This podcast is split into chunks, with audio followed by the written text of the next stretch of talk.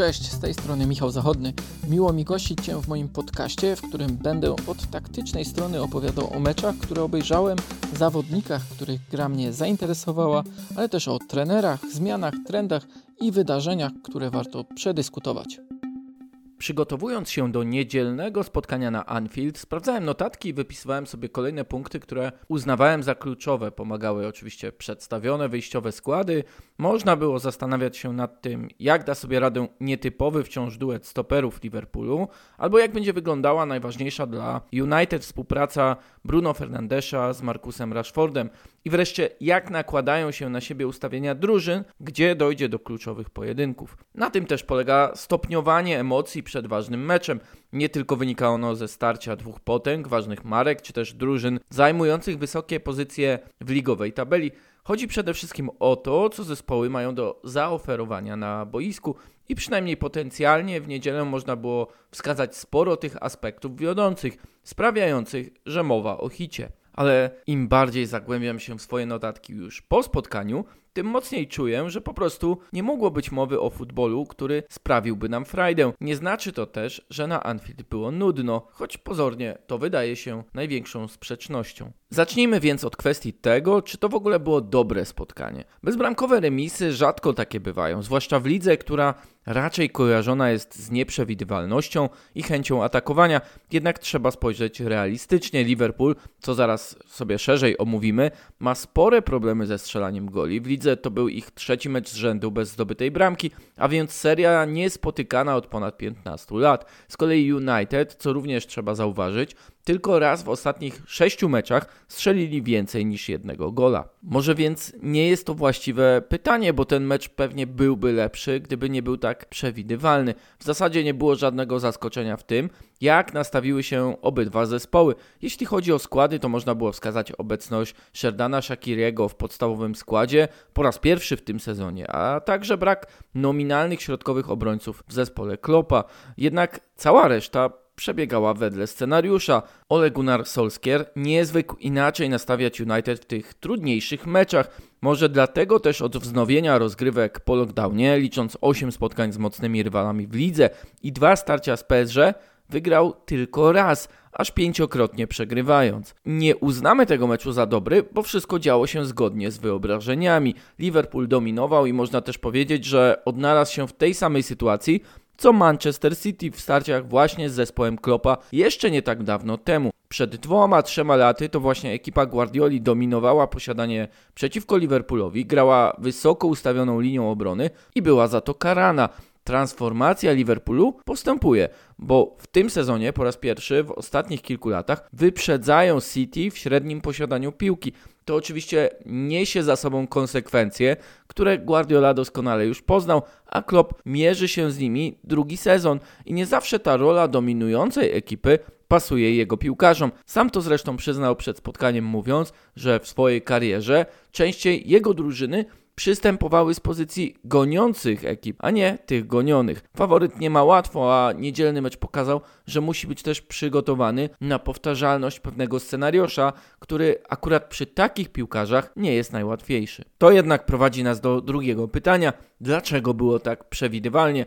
I tu wskazałbym nie na Liverpool, ale na United i Solskiera, który nie zamierzał w ogóle się odsłaniać i tylko wypada się tej decyzji dziwić, bo przecież druga połowa pokazała, jak groźny może być Manchester, gdy angażuje swoich bocznych obrońców w ataki, zamiast ograniczać ich do gry na własnej połowie. Najlepsze szanse Bruno Fernandesza i Pola Pogby wynikały z rajdów Luka Shaw'a i Arona Wan-Bissaki. Zresztą w pierwszych 25 minutach najważniejszy zawodnik United w tym sezonie miał tylko dwa kontakty z piłką na połowie Liverpoolu.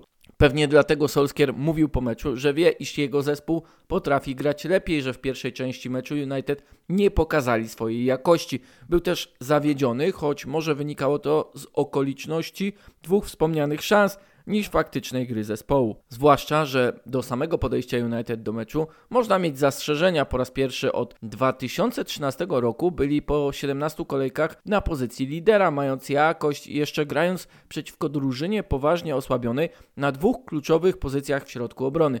Jeśli więc atakować Liverpool i to jeszcze na Anfield, to kiedy jak nie w takich okolicznościach? I owszem, można wskazywać drugą połowę jako poprawę w stylu gry i nastawieniu lidera Premier League, ale czy była ona tak duża i czy nie wynikała z prostej zamiany Edinsona Cavaniego za Antoniego Marciala? Zresztą Solskier mówił, że wystawiając Markusa Rashforda na dziewiątce, chciał wykorzystać jego szybkość przeciwko wysoko ustawionej linii obrony. Jednak już do przerwy jego piłkarze aż siedmiokrotnie byli łapani na pozycji spalonej. W całym meczu wyrównali najwyższy wynik z tego sezonu, pokazując, że po prostu ten plan się nie sprawdził, że był zbyt prosty na tak klasowy zespół jak Liverpool. Przejdźmy więc do kwestii trzeciej i porównajmy występ dwóch kluczowych piłkarzy, głównych rozgrywających. Gdyby spojrzeć na statystyki, to sprawa jest jasna. Thiago Alcantara miał 121 kontaktów z piłką, Bruno Fernandes tylko 52. W driblingach było 5 do 1 dla Hiszpana, 6 do 3 w odbiorach, 6 do 0 w przechwytach, 97 do 38 w podaniach. Zdobył on też trzykrotnie więcej dystansu prowadząc piłkę. Zresztą to Portugalczyk został zdjęty z boiska i przede wszystkim długo nie mógł się na nim odnaleźć. To ciekawe, gdy weźmie się pod uwagę, że jeden grał na drugiego, szóstka gospodarzy na dziesiątkę gości.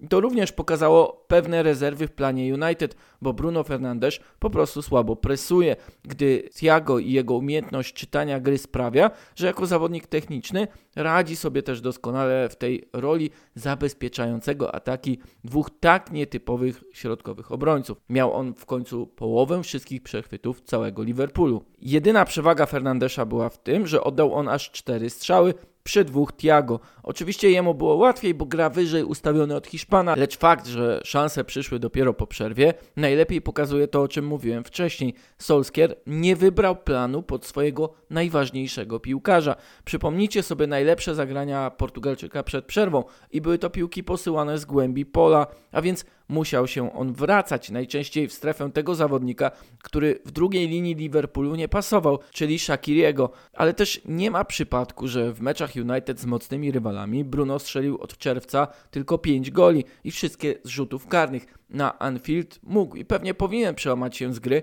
ale i tak w ataku było go mało. Z kolei Thiago regulował grę Liverpoolu przez całe spotkanie i to ze wszystkimi atutami, ale też nielicznymi wadami. Było to jednak trochę przewidywalne, gdy schodził między środkowych obrońców i znacznie lepiej wyglądał w tych no niewielu momentach, gdy mógł rozgrywać piłkę bliżej pola karnego United. Plan Klopa z ustawieniem diamentu w środkowej strefie z Thiago u jego dołu i Roberto Firmino na szczycie sprawiał, że często w polu karnym brakowało jednego zawodnika, a wraz z tym kolejnej decyzji, która w tych dobrych momentach mogłaby przeważyć o stworzeniu jeszcze lepszej okazji. Oczywiście Hiszpanowi trudno robić wyrzut z tego powodu, on miał jasno nakreślone zadania i był też jedną z wiodących, jeśli nie tą najbardziej wiodącą postacią w spotkaniu. Jego klasa też przebijała się w raczej bezbarwnym widowisku. Warto też odnotować, że on dopiero zadebiutował na Anfield, co tylko pokazuje, jak długo Liverpool musiał czekać na swój najważniejszy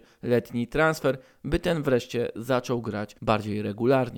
Co jednak powoduje, że Liverpool przestał strzelać gole. Bardzo dużo mówił o tym problemie Klopp już po remisie z United.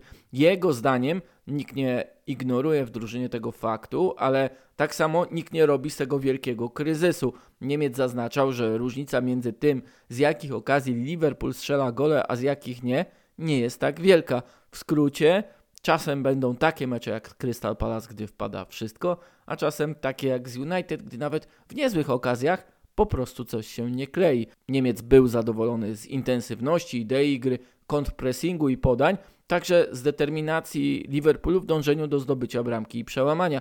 To było dla niego najważniejsze, ale jednak nie jest to odpowiedź na nasze pytanie. W niedzielę na Anfield Liverpool najlepsze okazje stworzył w tych momentach, gdy United próbowali wyjść wyżej z pressingiem. Nawet nie do wysokiego, ale do tego średniego, co i tak otwierało przestrzenie i możliwości szybszych wymian podań. Także warto nadmienić, że zespół Klopa cechowała cierpliwość i to, jak starali się rozrzucić United diagonalnymi podaniami. Tych w trakcie niedzielnego meczu Liverpool miał kilkadziesiąt, a najwięcej Trent Alexander-Arnold, który stał się tym drugim przyspieszającym ataki gospodarzy. To jednak wciąż były tylko podania w poprzek zmieniające stronę gry, zmuszające oczywiście United do wysiłku, ale co istotniejsze, nie szła za tym ta indywidualna jakość Liverpoolu, którą my znamy doskonale. W strefie ataku udało im się wygrać ledwie jeden dribbling, na dodatek z dala od bramki. Można też było dostrzec, że napastnicy Liverpoolu tak bardzo chcą strzelić tego gola oznaczającego przełamanie, że często nie szukają tej jeszcze lepszej szansy. Według strony Understat wskaźnik goli oczekiwanych z tego meczu skończył się minimalną przewagą gospodarzy 1,2 do 1,19 XG, ale Liverpool miał aż 17 strzałów w porównaniu do ledwie 8 United. Słowem, gospodarze średnio stwarzali sobie gorsze okazje od gości i przyglądając się tym szansom można dostrzec, zwłaszcza z pierwszej połowy, że strzał był wybierany w chwili, gdy była jeszcze jedna opcja rozegrania ta, którą w sezonie mistrzowskim zwykle Salah, Firmino czy Mane by wybierali i która kończyłaby się piłką w bramce. A może to tylko takie wrażenie, które wynika właśnie z ostatnich niepowodzeń Liverpoolu w polu karnym rywali.